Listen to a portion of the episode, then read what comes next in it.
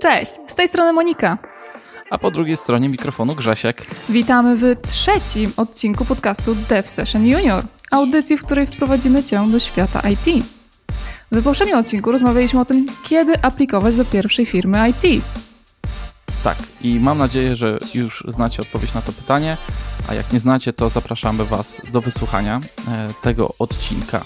Jak zawsze dzięki za komentarze, polubienia i udostępnienia. Wszelkie Wasze aktywności w social mediach napędzają ten podcast, napędzają nas.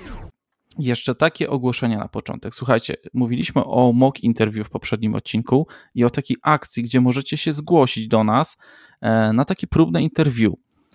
Do tej pory zebraliśmy 22 mentorów, e, osoby, które po prostu tak całkowicie e, za darmo w ramach swoich godzin dla społeczności postanowiły przyłączyć się do tej akcji i powiedzieć: OK, przeprowadzę z Tobą rozmowę, tylko my potrzebujemy, żebyście się zgłosili.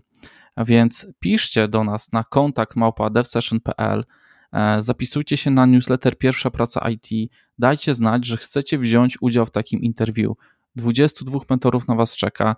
E, taką godzinną, powiedzmy, rozmowę możecie przeprowadzić z wybraną osobą. To są osoby, y, programiści, którzy mają doświadczenie, pracują na froncie, na backendzie. E, mamy też tam admina, SQL-owca, testera, także jest w czym wybierać. Taką listę ja Wam prześlę i tylko potrzebujemy, żebyście napisali do nas na kontakt małpa.devsession.pl, że chcecie wziąć udział w takim mock interview. Tak, gorąco e... Was zachęcamy do tego. I myślę, że tym bardzo miłym wstępem myślę, że przejdziemy do naszego tematu, którym jest kontrybuowanie do open source'a.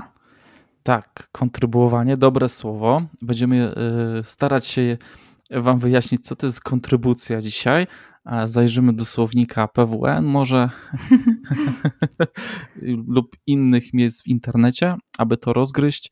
E, nie bójcie się tego słowa, ale open source to jest e, coś, co będzie Wam towarzyszyć już od początku, myślę nawet i nauki programowania przez całą pracę zawodową, aż do samego końca.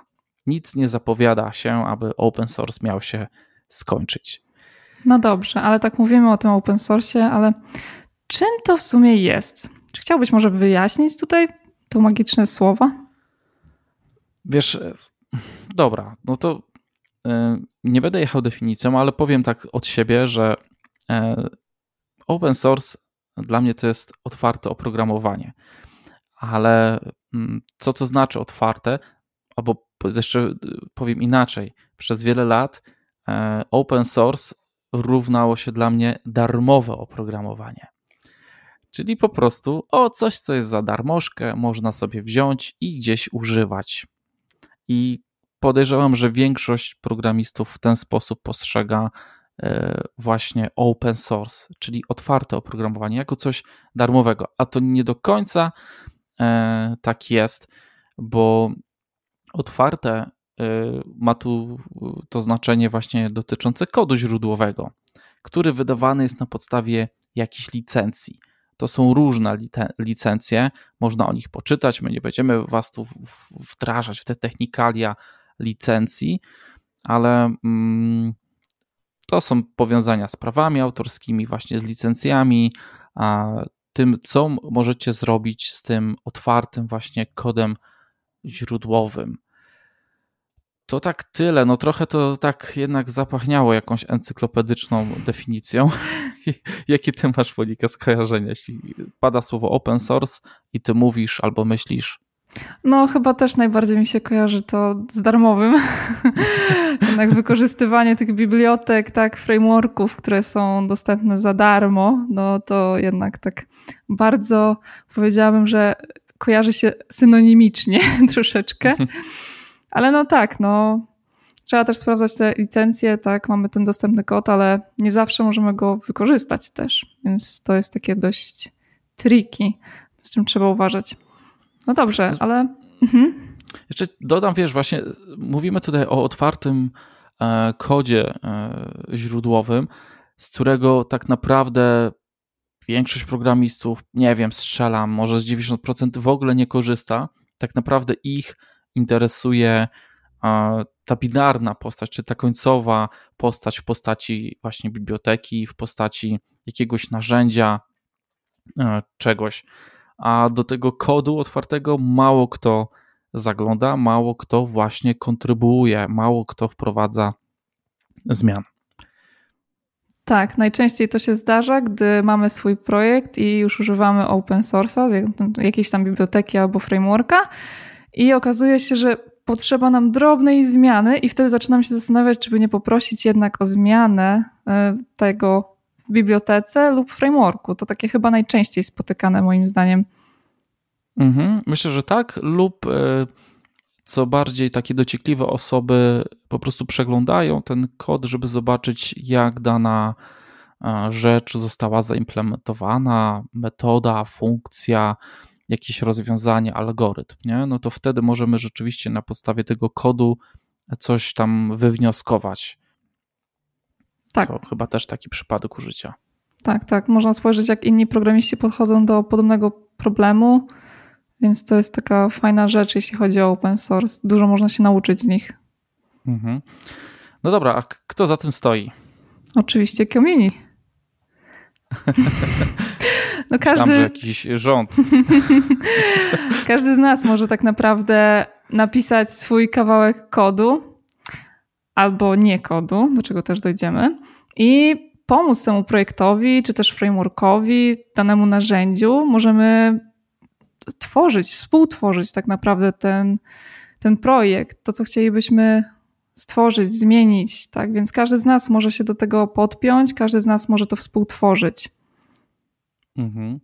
To tak, za tym na pewno nie stoją jacyś nadludzie, e, rządy i państwa.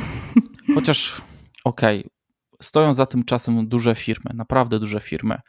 E, przykład z podwórka React, który po prostu, za który odpowiada Facebook, Angular, za którym stoi Google. To są takie przykłady e, frameworków, które zapewne znają programiści, którzy uczą się frontendu, za którym stoją duże firmy, ale rozwijane, no zmiany wprowadzane są przez nie tylko programistów tej dużej firmy, ale również takie osoby jak ja, jak Monika, inni programiści, inne osoby, bo kod źródłowy jest otwarty. Póki projekt jest gdzieś publiczny i jest do niego dostęp, jest dostęp do tego kodu, to można to przeglądać, proponować zmiany. Więc podsumowując, to za tym stoi Kowalski. No, każdy może. Możesz, ty nawet jako początkujący programista, który się uczy, e, wytworzyć coś, e, otworzyć e, jako właśnie open source, nadać jakąś tam licencję, najpopularniejsze na przykład MIT, udostępnić to i powiedzieć światu: Ej, słuchajcie, to jest mój projekt open source. To jest otwarte oprogramowanie, korzystajcie, bierzcie i używajcie. Dokładnie tak. Jeszcze tutaj taką ciekawostkę mogę dodać, że to jest też fajny sposób pokazania y, pracodawcy swoich umiejętności. Mhm. Tak. Coś, co chyba y, też już o tym mówiliśmy, że o, wiecie, CV, CV, ale trzeba mieć portfolio, już o tym mówiliśmy w poprzednich odcinkach, więc właśnie robicie te projekty, które gdzieś są wrzucane, na przykład na GitHuba, e, no i one są publiczne, one są otwarte, na pewno jest tam jakaś licencja podpięta, dobrze, żeby była, no i właśnie pracodawca może tam dzięki temu sobie zajrzeć. Dokładnie tak, a jeżeli chcecie coś więcej usłyszeć, to zapraszamy oczywiście do naszych poprzednich odcinków, o których właśnie opowiadaliśmy o tym troszeczkę w sumie szerzej. Mhm, tak. No dobrze, mm, no. ale czy w sumie, co my tam w sumie możemy, co w sumie mamy za projekty tak naprawdę? Mamy tam biblioteki, tak? Mamy narzędzia, frameworki, systemy operacyjne i w sumie możemy tak naprawdę robić co chcemy. Możemy jakikolwiek projekt tam wypuścić. Może to być nasz, jakiś nasz framework, jakieś nasze narzędzie, coś, co nam się podoba. Albo możemy właśnie współtworzyć z kimś. To też nie musi być e, jakieś duże oprogramowanie, tak? Tak, bo to mogą być nawet e, drobne przykłady, tak, to są chyba gists, to się nazywa, albo takie snippety, E, małe y, z kodem. Nawet pojedyncze metody jakieś wypuszczone, ale słuchaj, wróćmy i tak porozmawiajmy. Biblioteki. Ja już tu wymieniłem React, Angular, ale też podejrzewam, że większość tych paczek takich e, do Node.js, a tych paczek NPM z różnymi, które różne role pełnią, e, na przykład do komunikacji z jakimiś serwisami, e, one często też są właśnie open source, są otwarte, gdzieś znajdziecie ich kod, czyli takie biblioteki, które dołączacie do waszych rozwiązań. React, jakieś NGRX do, e, czy React, e, czekaj, w Reactie, jakie co, co jest do, do przechowywania stanu? Ze frontendem to nie pomogę niestety. O, ja też tutaj już pogubiłem, ale na, na do Angular to NGRX, a na Reactie to nie wiem, ale po prostu biblioteki, czyli rzeczy, które gdzieś tam używacie w waszych rozwiązaniach. Mm, narzędzia. To jest właśnie coś, co chyba jest trochę bardziej już niszowe, mm, ale jakby spojrzeć, nie wiem, czy taki Notepad przypadkiem nie jest otwarty. Aż z ciekawości zobaczę, bo mam go otwartego. Pójdę do About. No, na licencji GNU jest wypuszczony i zastanawiam się, czy jak pójdę do Resource. Tak, Notepad czyli ten taki powiedzmy notatnik na sterydach, bardzo popularny edytor, znajdziecie na GitHubie. Czyli jest to e, otwarty projekt z otwartym kodem źródłowym mm, i można zajrzeć do niego, do bebechów, jak on działa. Czyli e, drugą rzeczą, którą znajdziecie, jeśli chodzi o open source, to właśnie e, narzędzia. A jeśli chodzi o frameworki, Monika, jak to wygląda w PHP? No chyba takim najbardziej znanym jest Symfony, potem chyba tak też, ale niesławnie Laravel, wydaje mi się. Mhm. A czemu niesławnie? Właśnie ja osobiście nigdy nie używałam, także ciężko mi powiedzieć z mojego własnego doświadczenia, ale no nie słyszałam chyba nic dobrego, Także albo za dużo dobrego. E, większość z tego, co słyszę, to jest o symfony. Sama też w kilku projektach używałam symfony. E, nie przy jakichś większych projektach, ale używałam. Mm, więc ze symfony mają fajnie wydzielone to, bo można wykorzystywać albo jakieś części biblioteki, albo cały framework symfonowy. I wydaje mi się, że też fajnie byłoby tutaj teraz wyjaśnić, czym w ogóle się różni taki framework od biblioteki. Więc w moim odczuciu, no, biblioteka to jest coś, co my dołączamy do naszego projektu, czyli uruchamiając nasz kod, uruchamiamy najpierw nasz kod i ten kod uruchamia bibliotekę. A framework, mhm. w moim rozumieniu, jest tak, że framework uruchamia nasz kod, czyli naszym base'owym, takim podstawowym, uruchamiającym e, naszą aplikację rzeczą jest ten framework, czyli ten czyjś kod, a nie nasza, nie nasza część kodu. Więc jakbyśmy my się podłączali pod framework, czyli tak bym to wytłumaczyła. Nasz kod uruchamiali na, na frameworku. Tak. Korzystali z, z tych jego, z jego tak naprawdę bibliotek, bo można powiedzieć, że framework zawiera w sobie już jakiś zestaw podstawowych bibliotek, które dają jakąś funkcjonalność. Taki chyba najkrótszą definicję, jaką słyszałam, to było, że my uruchamiamy bibliotekę, a framework uruchamia nas, w sensie nasz kod. Okay. Taki najkrótszy, jaki słyszałam, taką definicję. Mhm. I też biblioteka z reguły chyba mm, służy do wykonywania, do, czy ma, ma, jakąś jedną podstawową funkcjonalność, na przykład e, obsługę dokumentów XML, czy wy, wywoływanie jakichś metod restowych, czy jakaś biblioteka do gadania z API Facebooka, YouTube'a, Google. Nie? Tak. Czyli ma jakąś jedno przeznaczenie, a framework daje nam coś w rodzaju platformy, na której możemy e, wykonywać rozmaite, czy przygotować rozmaite rozwiązania. Tak, tu się całkowicie zgodzę. Czyli React będzie frameworkiem i Angular. Chociaż, e, czy, czy React? Chyba tam jest jakoś inaczej. Kiedyś słyszałam, ale nie dałabym sobie nawet paznokcia uciąć okay. za to. Dobra. Cięcy jesteśmy z frontendu. Tak. E, Dwóch backendowców się spotkało w podcaście. E, I dobra, jeszcze jest taka jedna rzecz, ale też w ogóle niszowa. Na pewno o tym e, nie, myśl, nie myślicie. Myślę, że systemy operacyjne, kto by na to wpadł? No to już taki grubszy kawałek chleba, że tak to ujęła. No, e, jądro Linuxa, czyli coś, na czym powstają potem systemy różne Unixowe, jest otwartym E, projektem z otwartym kodem źródłowym od ojej, wielu, wielu, wielu lat, już chyba od początku. Tam co prawda zmieniały się chyba licencje, tak mi się wydaje, nie jestem do końca pewien, ale można zajrzeć w te bebechy, jak to wyglądają. No Windows nie jest otwartym systemem operacyjnym, kod Windowsa jest zamknięty, ale ostatnio widziałem jakiś wyciek. Ktoś podobno gdzieś znalazł Windowsa XP, latał po sieci, widziałem na, na niebezpieczniku innych serwisach, że gdzieś tam można było pobrać kod źródłowy e, Windowsa XP. Ale to, to po prostu nie było legalne.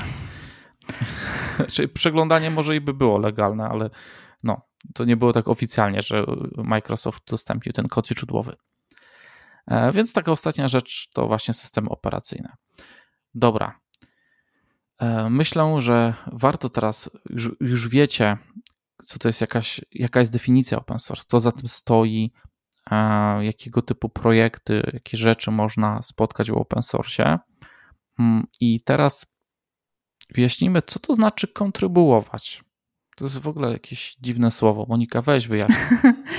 Więc tak jak wspominaliśmy, mówiliśmy o tym open source, że w sumie kto za tym stoi, że możemy E, my jako tacy przeciętni kowalscy dołączyć do tego projektu i coś do niego wnieść. Możemy wnieść swój kawałek kodu lub też czegoś innego, do czego przejdziemy za chwilę. I to tak fachowo się nazywa kontrybuowaniem, czyli jakby wnosimy coś do tego projektu. Ja bym to w ten sposób tak zdefiniowała. Mhm. Wiesz co, no ja poszedłem na, na słownik, na PWN, bo ciężko mi e, wyjaśnić to słowo. Oprócz tego, że właśnie wnoszenie czegoś, dawanie czegoś. E, tutaj od razu nasuwa mi się jeszcze taka myśl, że dawanie czegoś w, e, i nieoczekiwanie niczego w zamian. Mm, tak. A PWN tutaj mówi, że kiedyś w starożytności była danina na rzecz panującego lub państwa. Obowiązkowe świadczenie w naturze lub opłaty nakładane przez państwo zwycięskie na państwo pokonane. No to takie mocno polityczne E, definicję. Ale przyjmijmy, że jest to wnoszenie, dawanie czegoś od siebie, hmm, chyba właśnie nie oczekując y, nic w zamian. Tak to po prostu w open source wygląda, że za tym stoją często hobbyści, którzy siedzą po godzinach, dłubią jakieś rzeczy i inni hobbyści pomagają im w tym i tak tworzą się e, wielkie projekty. Potem dołączają do tego duże firmy i, i karuzela się kręci. Okej, okay, to jak już tak wyjaśniliśmy sobie takie ogólnie, czym to jest, jak to, z czym się je, to może przejdźmy właśnie o tym, co wspominaliśmy. Czy to jest tak naprawdę tylko i wyłącznie kod? Co my tam w sumie możemy jeszcze robić? Oprócz kodu możemy też tworzyć dokumentację.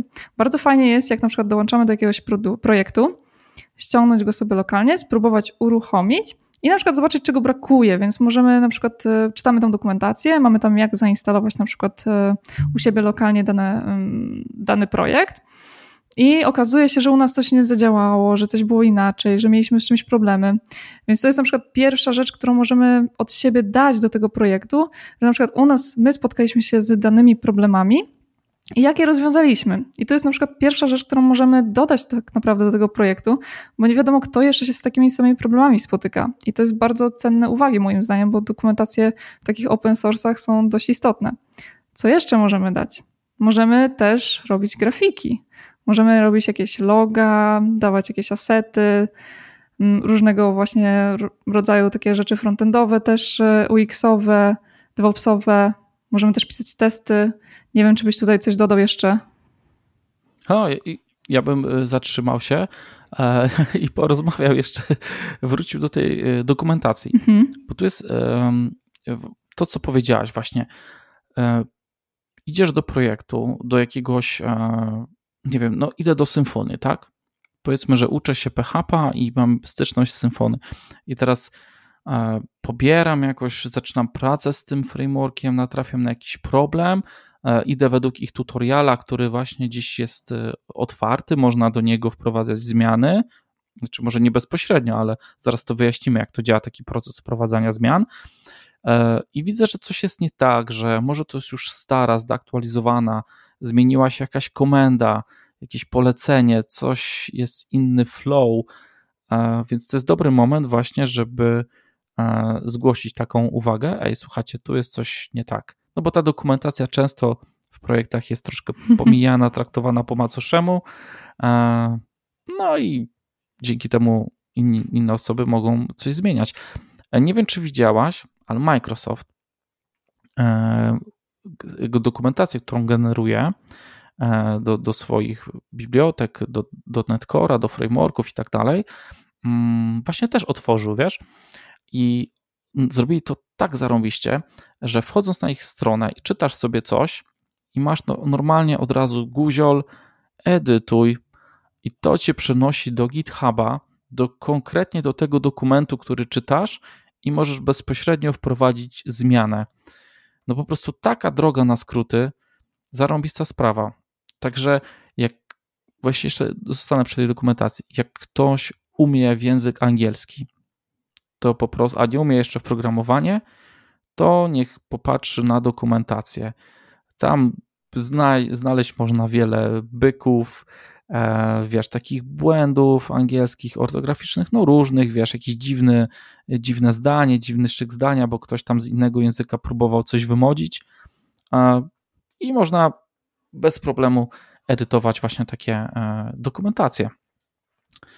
Także to tyle. A o te grafiki to jeszcze ważna sprawa. Wiesz, o czym nie powiedzieliśmy? O grach. Część gier też jest otwarta albo gdzieś składuje właśnie te asety, jak to tam w grach są te graficzki e, i te loga. Mhm. Więc e, jak ja bym nie umiał w grafikę, to bym się cieszył, gdyby ktoś właśnie wniósł do mojego projektu jakieś logo, jakiś obrazek, background, cokolwiek, żeby to fajnie wyglądała jakaś strona, na przykład www tego projektu. No tak, to bardzo istotna kwestia, żeby ta stronka albo nasza gra wyglądała zachęcająco. No, no myślę, że to jest, to jest fajna sprawa, bo słuchajcie, no, chcemy zwrócić Wam uwagę na to, że open source to nie tylko właśnie kod źródłowy, to nie tylko programowanie. Nie? A jeszcze są te sprawy UI, UX, nie Monika? Tak, możemy spojrzeć, czy na przykład coś jest intuicyjne, nieintuicyjne i na tej podstawie nawet dać jakieś sugestie, tak? Że może, nie wiem, zielony przycisk jest bardziej zachęcający niż czerwony, tak? Który by odstraszał, klikając, nie wiem, dodaj do koszyka albo coś w tym stylu. Tak, no, kwestia dotarcia właśnie do tych rzeczy, które mo można zrobić. My zaraz y, powiemy, gdzie, gdzie tego szukać, ale e, jakaś strona internetowa danego projektu, e, z którego korzystacie, no już czepiam się tego symfony, albo nie wiem, dokumentacja Reacta czy Angulara, może też znajdziecie to na GitHubie, czy tam gdziekolwiek to Google składuje. E, i widzicie, że coś tam kuleje, że ten UI, UX, nie wiem, rozjeżdża się na telefonie, może trzeba style poprawić, a wy już troszkę umiecie w style, no to cyk, robicie zmianę. Jest taki polski portal programistyczny for programmers e, i ich kod źródłowy też jest otwarty. E, nie wiem, czy na GitHubie, ale jak wejdziecie na ich stronę, to można znaleźć e, link. I tam na forum też są, wymieniają się opinia, opiniami, błędami, co działa, co nie działa. I też można właśnie wprowadzić zmiany. Ostatnio coś tam e, chłopaki przerabiali. Więc takich rzeczy do zmian naprawdę jest sporo. Można to znaleźć. No właśnie kwestia, jak znaleźć. E, więc albo gdzie nawet szukać takich projektów. Od czego tutaj zacząć? Okej, okay, no więc mamy różne platformy, gdzie możemy tak naprawdę mieć te projekty, tak? Możemy mieć je na GitHubie, na GitLabie, na Bitbuckecie. A jak je w sumie możemy znaleźć, tak? W sensie możemy różne też mieć, e, na przykład na stronie jest taka fajna strona Awesome for Beginners na GitHubie, gdzie mamy właśnie wypisane te wszystkie projekty dla różnych języków, więc jak sobie wejdziemy właśnie na ten projekt, nie chcę tutaj źle wypowiedzieć tej nazwy, mm, Mangel i na projekt Awesome for Beginners, to mamy wypisaną właśnie całą taką e, listę, do jakich języków, jakich, w jakich językach moglibyśmy, do, mm, inaczej, do projektów napisanych w których językach moglibyśmy właśnie kontrybuować. I na przykład przechodząc na przykład do zakładki PHP, no to mamy PHP MyAdmin, Deployer, Matomo, PHP Sensor, Drupal, Symfony i Laravel i inne tam pozostałe projekty. I tam nawet na tej stronie jest napisane, czego mamy dokładnie szukać i jakiej mm, labelki, jakiej nazwy mamy dodawać robiąc pull requesty, dodając swój kod. Więc wyszukując właśnie możemy e, skorzystać z tej strony. Mi się akurat osobiście tak bardzo podoba ta strona, bo jest fajnie tak przejrzyście to wszystko wypisane. Jest jeszcze taka strona jak appforgaps.net. Tam też możemy filtrować po różnych językach i znaleźć projekty, do których właśnie moglibyśmy dodać coś od siebie. Dokładnie, takie strony wam, wam pomogą. Jeśli e, jeszcze wrócę do tych platform, e, GitHub, e, GitLab, Bitbucket, to są takie miejsca w sieci, gdzie spotkacie właśnie takie projekty z otwartym kodem źródłowym. Jeśli jakiś projekt jest publiczny, to będziecie go widzieć i będziecie mogli zajrzeć do kodu, przeczytać licencję, zobaczyć aktualne issue, czyli te rzeczy, błędy, które trzeba poprawić i rzeczy, które dany projekt sobie zaplanował do, do wykonania.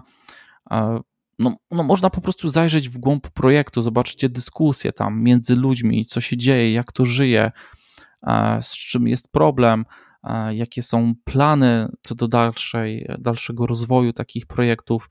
No po prostu skarbnica e, różnej maści i wiedzy, i dyskusji, i, i, rzeczy, które można podejrzeć. Ja sam bardzo chętnie zaglądam do różnych projektów na GitHubie, po prostu, żeby nauczyć się czegoś, zobaczyć, jak inni programiści e, piszą kod, jak rozwiązują jakieś e, problemy. Także polecamy. Tak. Po prostu przeglądajcie GitHub, GitLab, Bitbucket trochę jest chyba mniej popularny. Y, no nie wiem, ja tak ja tylko z GitHuba chyba korzystam. Z GitLaba nawet nie. Wydaje mi się, że chyba tak duża część projektów właśnie open source'owych jest tak właśnie przechowywana na GitHubie. Przynajmniej te, z których ja się bardziej spotykam, y, PHP-owych. Ale tak jak powiedziałeś właśnie, przeglądanie nawet takiego kodu jest mega w nauce, tak? Bo możemy się nauczyć, zobaczyć, jak inni programiści do tego podchodzą. Może nauczymy się jakiejś nowej funkcji, o której nie wiedzieliśmy, że w danym języku istnieje. Także to jest taka skarbnica mhm. wiedzy. Możemy zobaczyć e, też, jak wyglądają dyskusje i czego możemy się spodziewać później, robiąc samemu takie e, code review, czy też e, tworząc właśnie, dodając coś do tego repozytorium od nas, tak, do tego projektu. Mhm.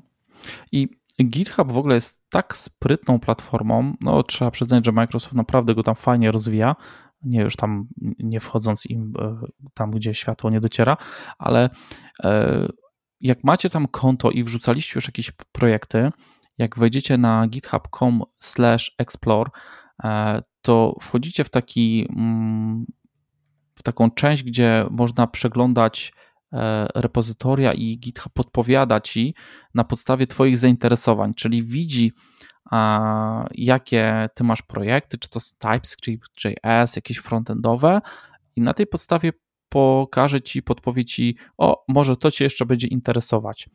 E, jest tam taka też zakładka Topics, gdzie można właśnie według konkretnego jakiegoś języka, czy to baza danowych, czy OpenGL, czy 3D, czy animacje, E, są też takie trending, czyli to, co jest teraz na hypie, co ma jakiś wzrost gwiazdek, co aktualnie ludzie e, dosyć mocno e, zaglądają. I jest jeszcze, to jest w ogóle super. Niedawno to odkryłem. Collections, czyli takie kolekcje, to są takie listy mm, grupujące jakieś tam repozytoria. I na przykład w tych kolekcjach znajdziecie coś takiego jak Learn to Code. I to są takie właśnie zasoby pogrupowane, jak uczyć się programowania. No po prostu na tacy to macie, nie? Wchodzicie w to.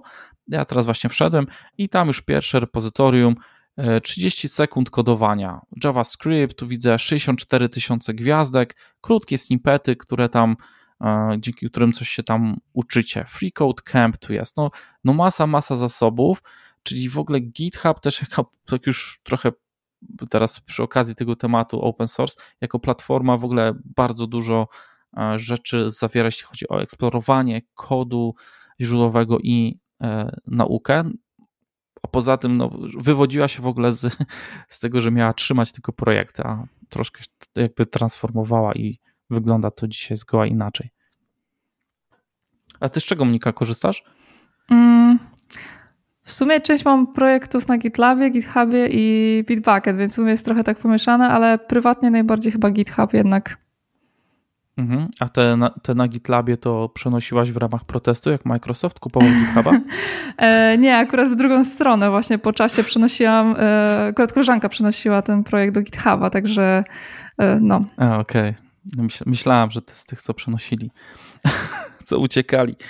Jak wieszczyli, że tam po prostu zaraz trzeba będzie rzucać e, kasę. Tak, no nie wiadomo było, co się wydarzy, więc tak było trzymanie lekkie w no, napięciu, ale no jednak jest okej. Okay. No wiesz, no, da, dalej nie wiemy, nie? No, dalej tak, nie tak, wiemy, co się, co się wydarzy, aczkolwiek na razie tam y, mocno nas y, jakby głaszczą i dają nowe feature'y i projekty prywatne. Tak.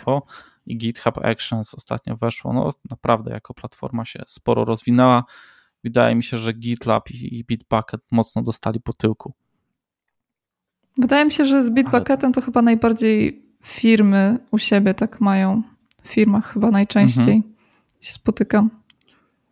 Pewnie tak. Te, co tak może nie ufają właśnie, albo myślą, wychodzą z założenia, że GitHub jest taką bardzo publiczną platformą i że może być jakiś problem, że gdzieś coś tam wycieknie, nie wiem. No i to... często też właśnie jest jeszcze Bitbucket, y, można do siebie też y, wydaje postawić, prawda? A lokalnie, mhm. znaczy się, tak? Chyba tak. A okej, okay, to te... tego nie wiedziałem nawet. Muszę sprawdzić teraz. Słuchaj, ja przez 5 lat korzystałem z czegoś tak egzotycznego jak Perforce. O. Mało kto w ogóle o takim e, e, no, systemie zarządzania wersją słyszał. Okej, okay, jest tutaj zakładka self-hosted, więc chyba coś dobrze kojarzę. Mhm. No dobrze, to myślę, No dobra, tak. to, to ty tam sprawdzaj, a ja jeszcze, ja jeszcze nawiążę do tych labelek. Słuchaj, powiedzmy naszym słuchaczom właśnie, jak wejdą na taką stronę czy na GitHuba i prze, przechodzą przez ten gąszcz projektów i teraz szukają czegoś dla siebie. E, I co to są właśnie te tagi, te labels, e, gdzie one są jakby widoczne i czego szukać konkretnie? Tak, więc mamy różne labelki. Właśnie na tej stronie Awesome for Beginners fajnie tam jest też napisane, przy jakim projekcie, jakiej labelki powinniśmy szukać i jaką dodawać, więc e, to pod tym względem jest fajne. Wydaje mi się, że na tej drugiej Up for Grabs chyba też jest. E, tak, też jest. Właśnie jest albo Newbie, Up for Grabs, Good for First Issue. Także możemy znaleźć właśnie wchodząc na te dwie stronki, możemy właśnie zobaczyć jakie są projekty i możemy zobaczyć jakie, jakich labelek możemy szukać, tak? I patrząc na to jakie są dodawane, możemy mniej więcej wyszukiwać po tych obecnych, tak? Tych co widzimy, tak? Więc możemy wpisywać newbie, good for beginner, help wanted i po tym właśnie się sugerować.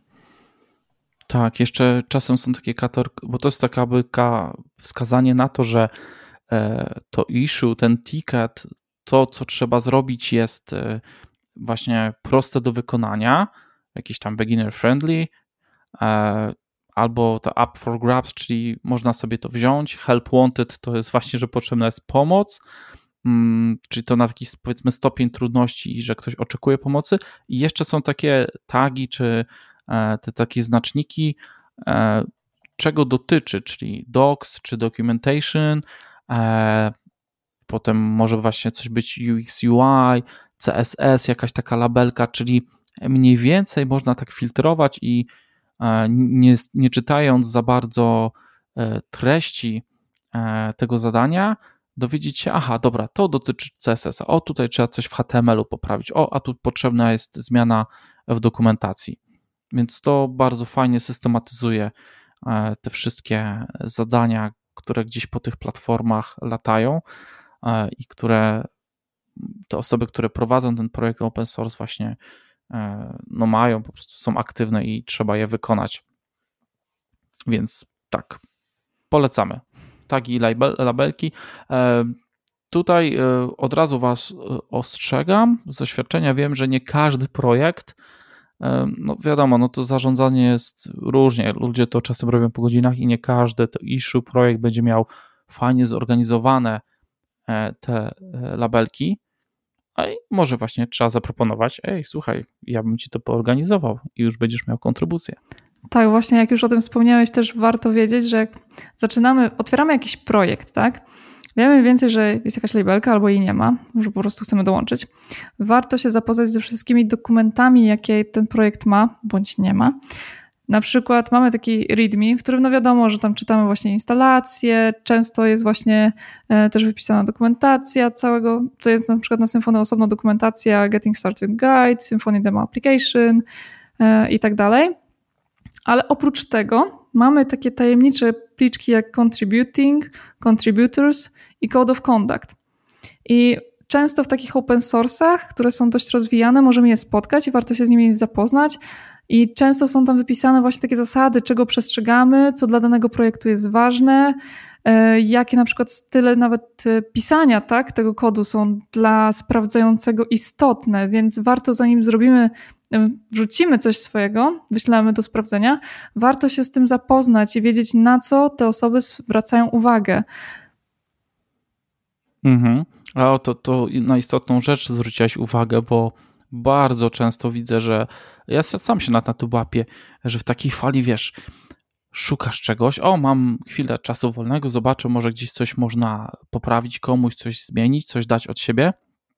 Już się znalazło to, ten ticket to issue, i wtedy zaczyna się, wiesz, szybko łapu capu, coś tam zmieniać, pracować, ciach, robię pull requesta i nagle ktoś ci go odrzuca. I ty sobie myślisz, o ty, to ja tu cały weekend robiłem, a ty mi tak?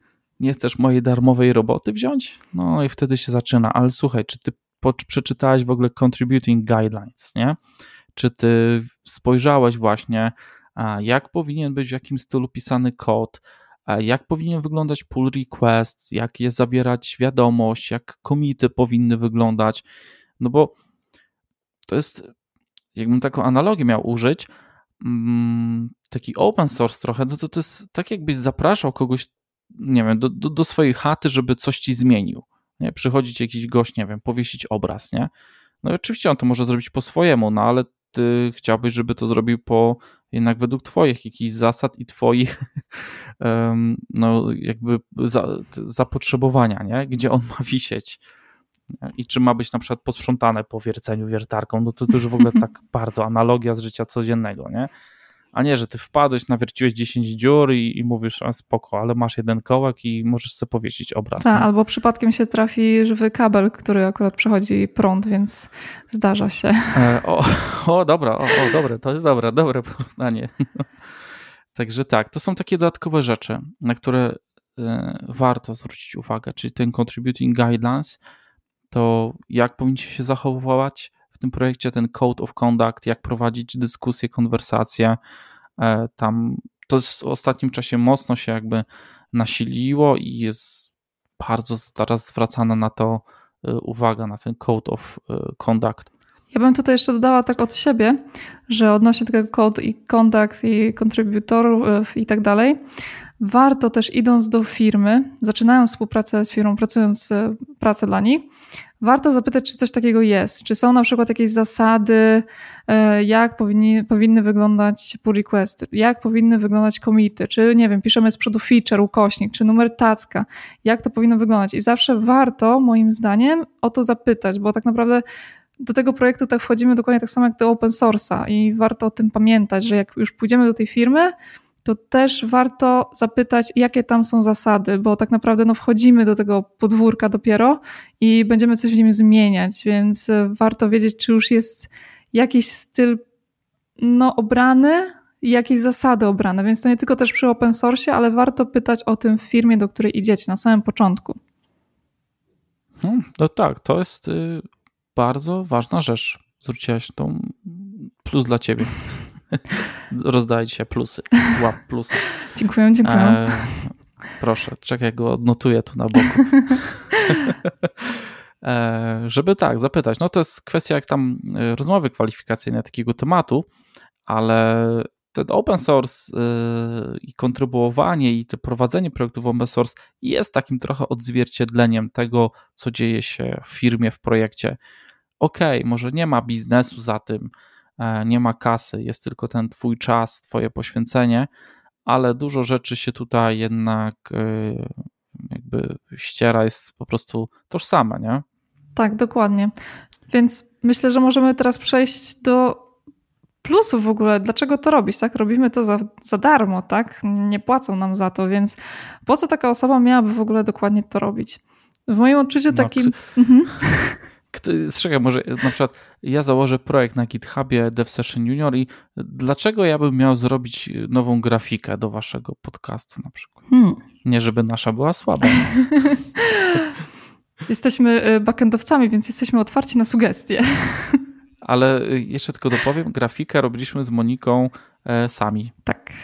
Także jeśli myślicie, że jest super cool, to prześlijcie nam jakiś tam, wiecie, emot, ikon, emot ikonkę, że jest fajnie. Tak, będziemy wdzięczni za docenienie naszych e, starań. tak. No dobrze. Mm, dobra, plusy, plusy, dawaj. Więc ja muszę zacząć y, od tego, że dla mnie takim najfajniejszą rzeczą z takiego plusu jest y, możliwość pracy z różnorodnymi y, projektami, tak? Idziemy, poznajemy tam innych programistów, inny styl pisania i możemy się dużo nauczyć od tych programistów, bo mamy możliwość współpracy właśnie z tymi innymi programistami, gdzie oni mają inną wiedzę i mogą nas czegoś nauczyć. Patrzymy na ten e, czyjś kod, możemy zobaczyć właśnie, poznać jakieś nowe metody, jakieś nowe e, możliwości danego języka albo rozwiązania, więc takim największym plusem, wydaje mi się, na takim zwłaszcza na początku, jest to, że poznajemy jakieś nowe możliwości danego języka, no bo nie ukrywajmy, no na początku no nie znamy wszystkich możliwości, nawet nie wiem, później się okazuje, że nawet są jakieś rzeczy, o których nie używaliśmy, bo, bo no w sumie nie wiadomo dlaczego, ale no zdarza się tak, że jakieś są ukryte funkcje, z których e, nie korzystaliśmy, bo na przykład, nie wiem, całe życie używaliśmy jakiegoś, e, jakiejś biblioteki do tego. Na przykład PDO, a nigdy nie używaliśmy e, w PHP natywnych metod do łączenia się z bazą danych. Więc można się dużo nauczyć code review, znaczy się z samego czytania kodu, dołączenia do tego właśnie do otwartych e, projektów.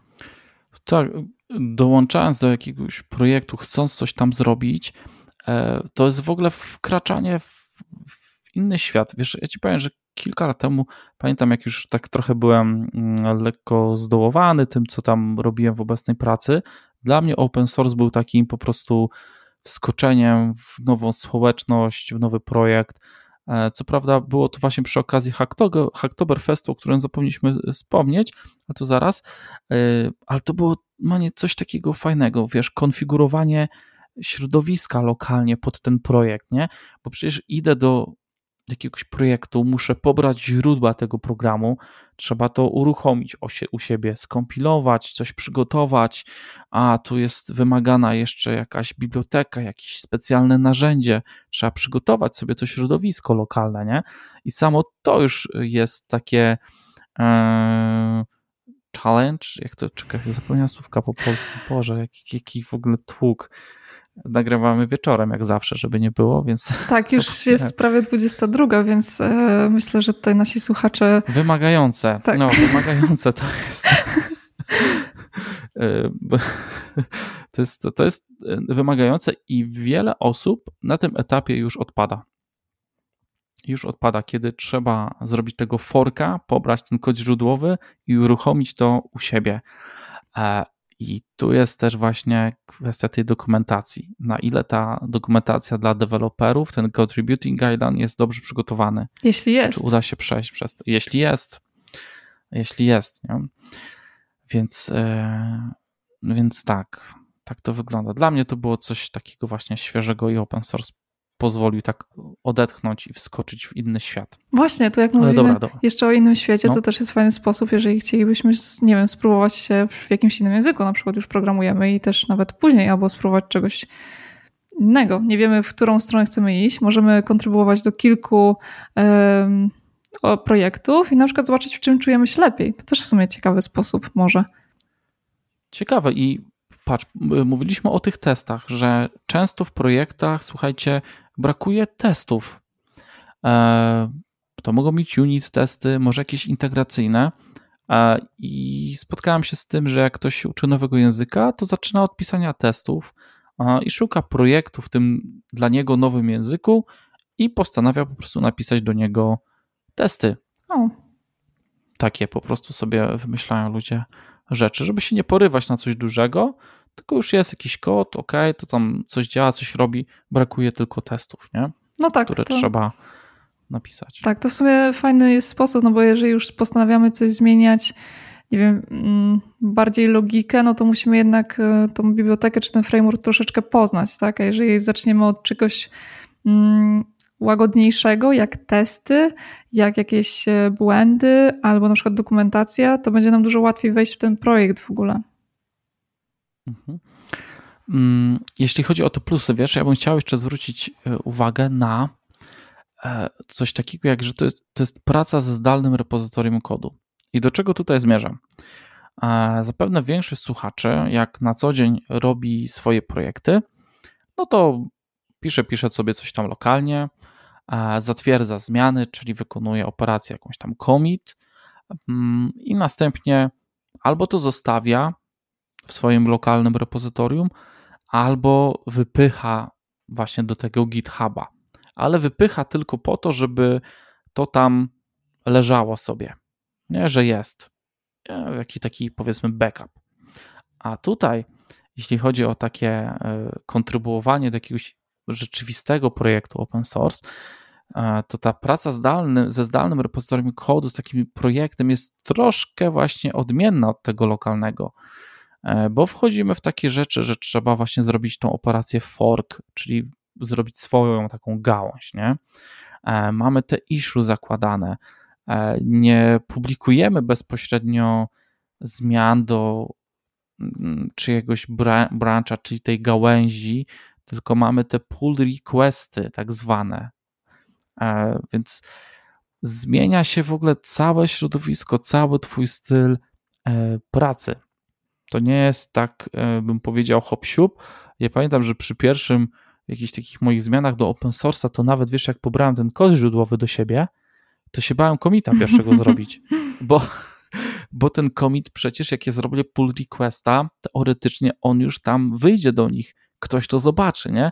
Więc oj, tutaj jest, to jest naprawdę już za, mocno się człowiek zastanawia, czy e, wcisnąć dany klawisz na klawiaturze, nie? No tak, tylko właśnie fajnie wysłać, bo wtedy możemy właśnie, ktoś może nam zrobić code review, czyli może przejrzeć nasz kod, może dać nam jakieś sugestie, no wiadomo, w zależności od osoby te sugestie są bardziej intensywne albo mniej, bardziej łagodne albo mniej, ale tak naprawdę takie code review, czyli przeglądanie kogoś, naszego kodu, jest bardzo dla nas na plus, tak? Bo okej, okay, może w tym momencie popełniliśmy jakiś błąd, może coś zrobiliśmy nie tak, może czegoś nie wiedzieliśmy, może jest lepszy sposób na zrobienie tego, ale właśnie przez to, że ktoś inny, bardziej doświadczony programista spojrzy na to, właśnie się tego nauczymy.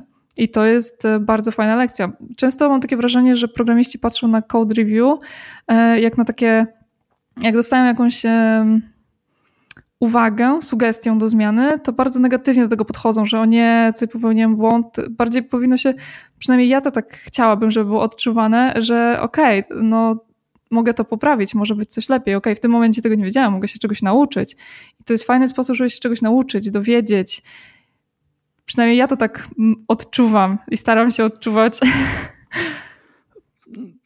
Tak, no, sam proces code review bywa czasem rzeczywiście trudny i to dużo zależy od tej strony, która przegląda ten kod, w jaki sposób zostawi te komentarze.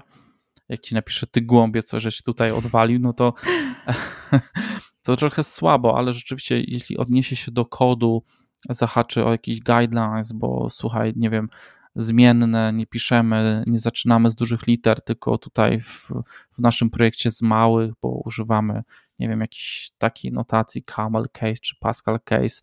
No, to są właśnie takie smaczki, więc takie rzeczy na code review wychodzą.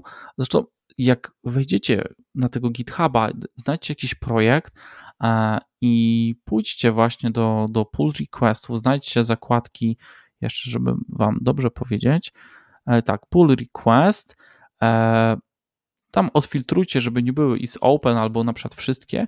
Weźcie, przejrzyjcie sobie taką jakąś, e, takiego pull requesta, zobaczcie jakie się toczą dyskusje, jak wygląda takie review, że tam po prostu można zostawić komentarz do jed, konkretnej linijki kodu, nie? I o czym tam właśnie dyskutują programiści, e, czego przysłowiowo się e, czepiają, bo e, ten proces tego pull requesta i code review potrafi trwać tydzień, dwa, zależy, jak kontrybuowałem, to wiesz, robiłem coś w weekend, wysyłałem, po dwóch, trzech dniach dostawałem review, potem czekałem do piątku, żeby znowu coś, wiesz, zrobić zmianę, no to to się rozciąga w czasie, nie? E, także tak to wygląda, ale to jest code review na, na plus, jeśli chodzi o open source. Tak, jeszcze tutaj fajno, fajnie wspomnieć właśnie, że uczymy się takiej pracy w zespole, tak, że jednak się wymieniamy tymi taskami, tak, e, znaczy się bierzemy jakieś taski, współpracujemy i mamy tą pracę na zdalnym repozytorium, gdzie właśnie kontynuuje więcej osób. I tutaj warto też wspomnieć, że niestety, ale pewnie spotkamy się z konfliktami, mergując nasz, się łącząc nasze rozwiązanie do obecnego projektu. To jest taki smaczek niestety mhm. e, ogólnie Częsty. pracy z to repozytorium. Częsty, tak. tak. No, kiedy już zaczyna się praca z większą ilością osób niż ty sam, E, no to dochodzi do konfliktów. No, nie między osobami, ale między kodem, tak? E, ty robisz pull requesta, a w międzyczasie już zmienił się e, jakaś gałąź właśnie, na której, do której ty tego pull requesta chcesz tam zmerdżować. No jak będzie po polsku zmerdżować? Złączyć. Oj, złączyć, dobra, no, ale dobra, zmerdżować, gadamy slangiem. E, więc e, no tu, są, tu jest wiele takich e, smaczków, rzeczy, z którymi się spotkasz, właśnie pracując takim projektem w open source, gdzieś zdalnym, który, który nie jest po prostu twój. Tak. I w którym, w którym, o tak ładnie sobie tu napisałem, w którym gra się na czyich zasadach, nie na swoich. Tak. Także tak, praca w zespole. No, taki zespół to, wiesz, pomyślałem teraz, Monika, można samemu nas zorganizować. Jeśli chcielibyście spróbować, skrzyknijcie się tam w dwie, trzy osoby e, i można coś przecież podziałać. Nie musi być to jakiś rocket science projekt. E, zróbcie to-do listę, ale popracujcie w kilka osób, podefiniujcie taski i niech każdy działa niezależnie, niech będą pull requesty, niech będzie ich akceptacja i, i wtedy właśnie można pobawić, zobaczyć się, jak w gicie działają gałęzie, brancze, jaki jest flow. No, całkiem inny świat niż taka praca lokalna z, z lokalnym repozytorium kodu. Tak, zgadzam się. No i fajnie tak właśnie przed pracą, nawet przed swoją pierwszą pracą, zobaczyć, jak się pracuje z takim kodem w zespole. E, możemy współpracować, zobaczyć, jak się wymieniamy sugestiami, więc to jest taka fajna nauka przed e, pójściem do pracy. Mhm. No coś, co można właśnie sobie zorganizować tak za darmożkę, no, e, w ramach swojego czasu, mm, poczuć taki trochę właśnie team, jak to może działać. Ja widziałem, że mm, gdzieś jak aplik nie aplikowałem, tylko jak rekrutowałem, to jeden programista właśnie załączył na swoim GitHubie projekt i to był taki projekt właśnie z kolegami realizowany. E, dla mnie to było trochę takie wyzwanie, bo E, musiałem jakby oddzielić to, co on wniósł w tym projekcie od tego, co jego koledzy wnieśli, nie? No, podrzucił to jako swoje portfolio, no ale tam widać było, że była praca różnych ludzi, ale no, dla mnie to był sygnał, ok, próbowali właśnie pracy w zespole, próbowali to ogarnąć w teamie, e, ten, ten, ten dany projekt, nie, do portfolio, a ja, ok, mogę poszczególne jego elementy, kontrybucje zobaczyć, co on tam wnosił, ale fajnie było zobaczyć, że to takie e, coś wykonanego, razem w jakimś e, zespole większym. Tak, myślę, że chyba wyczerpaliśmy nawet temat wszystkich plusów, e, czym to w ogóle wszystko jest i myślę, że możemy chyba ku mhm. końcowi. Może jeszcze warto wspomnieć w ogóle, czym jest Hacktoberfest, bo w sumie mówiliśmy o tym, a nie rozwinęliśmy. E, tak, o Hacktoberfest i przypomnij mi, żebym przy, e, zareklamował jeszcze coś od siebie. Dobrze. Hacktoberfest. Opowiadaj o Hacktoberfestie. O nie, to bardziej tobie oddaję tutaj głos w tym temacie. okay. E, dobra, teraz pewnie ci, co słuchają, to mnie zaraz napiszą i zjadą. To jest taki festiwal, gdzie można zdobyć koszulkę za e, kontrybuowanie do open source. E, się śmieję, ale niestety tak to wyglądało przez, przez w ostatnich latach.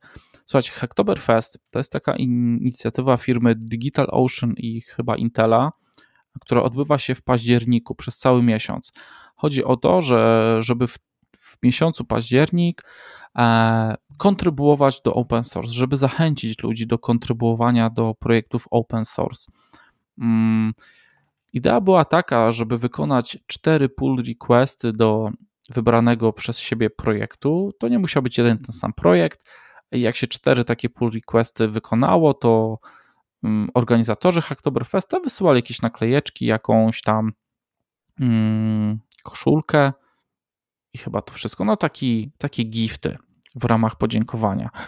E, I ja muszę przyznać, że no ja podszedłem do tego tak, że ok, w tym miesiącu widać było taką zwiększoną aktywność tych osób zarządzającymi projektami, pojawiło się więcej tych takich właśnie zadań up for grabs, help wanted, gdzie można było sobie brać jakieś rzeczy do zrobienia i e, ja pamiętam, że sporo wtedy zrobiłem do, do, do, różnych projektów i to dla mnie było takie naprawdę super, bo no wchodzisz w inny świat, w inne towarzystwo po angielsku, e, już tam gadają, bo to międzynarodowo. No super sprawa, naprawdę wiele z tego wyniosłem. E, niestety Hacktoberfest trochę padł ofiarą swojego, nie wiem, nazwać to sukcesu, przez to, że dawali te koszulki i wymagali czterech pull requestów, nie była sprawdzana jakość tych pull requestów. No i po prostu zaczęły się tak zwane takie spam pull requesty. Ktoś zmieniał jedną literkę, e, nie wiem, dodawał jakiś enter, jakiś przecinek. No tak naprawdę nie wnosiło to nic do projektu. E, osoby, które nimi zarządzały, miały otwieranych tam, wiesz, po kilkaset takich pull requestów, e, więc w tym roku wiem, że zmienili trochę zasady, można było trzeba było chyba zgłosić projekt e, do, do tego programu. No trochę musieli uporządkować formułę, bo e, to poszło całkowicie nie w tym kierunku, w którym miało pójść, nie? To się zrobiło takim festiwalem na zdobycie koszulki fajnej, bo fajne są koszulki z tego. E, no, ale tak, to jest zamiast Hacktoberfesta, no, można poszukać, czasem się zdarzają takie hackatony organizowane przez jakieś mniejsze społeczności, gdzie można kontrybuować, gdzie pokazują, jak to zrobić, prowadzą nawet za rękę, bym powiedział, e, jak zrobić takiego pierwszego pull requesta do projektów. Możecie takie coś e, też poszukać w sieci, gdzieś obserwować na Bitapie, na, na LinkedInie, takie, takie ogłoszenia czasem się pojawiają. To tyle, jeśli chodzi o Hacktoberfest, który no, kończy się za 10 dni. No ja w tym roku nie przystąpiłem, mam za mało czasu. Podcast mi za dużo zabiera, słuchaj. No. Hmm, chyba za długo gadamy zazwyczaj. Właśnie, trzeba zaraz kończyć, słuchaj.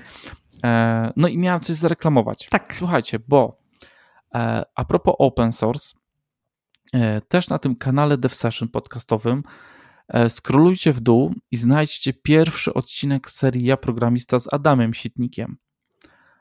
I to był właśnie mój pierwszy odcinek, który nagrywałem w Dev Session Junior, w Dev Session w ogóle podcaście z gościem, z niesamowitym Adamem. Naprawdę, jeśli nasze e, plusy i to, czym jest open source e, w tym odcinku Was nie przekonały, to idźcie jeszcze do tego odcinka i tam jest niesamowity plus. To jest historia Adama, któremu open source dał po prostu pracę dzisiaj w Microsoft. Także to jest naprawdę niesamowita historia. Więc jeśli nasze plusy to było za mało, to polecam Wam jeszcze przesłuchanie tego odcinka. I to tyle, jeśli chodzi o reklamę.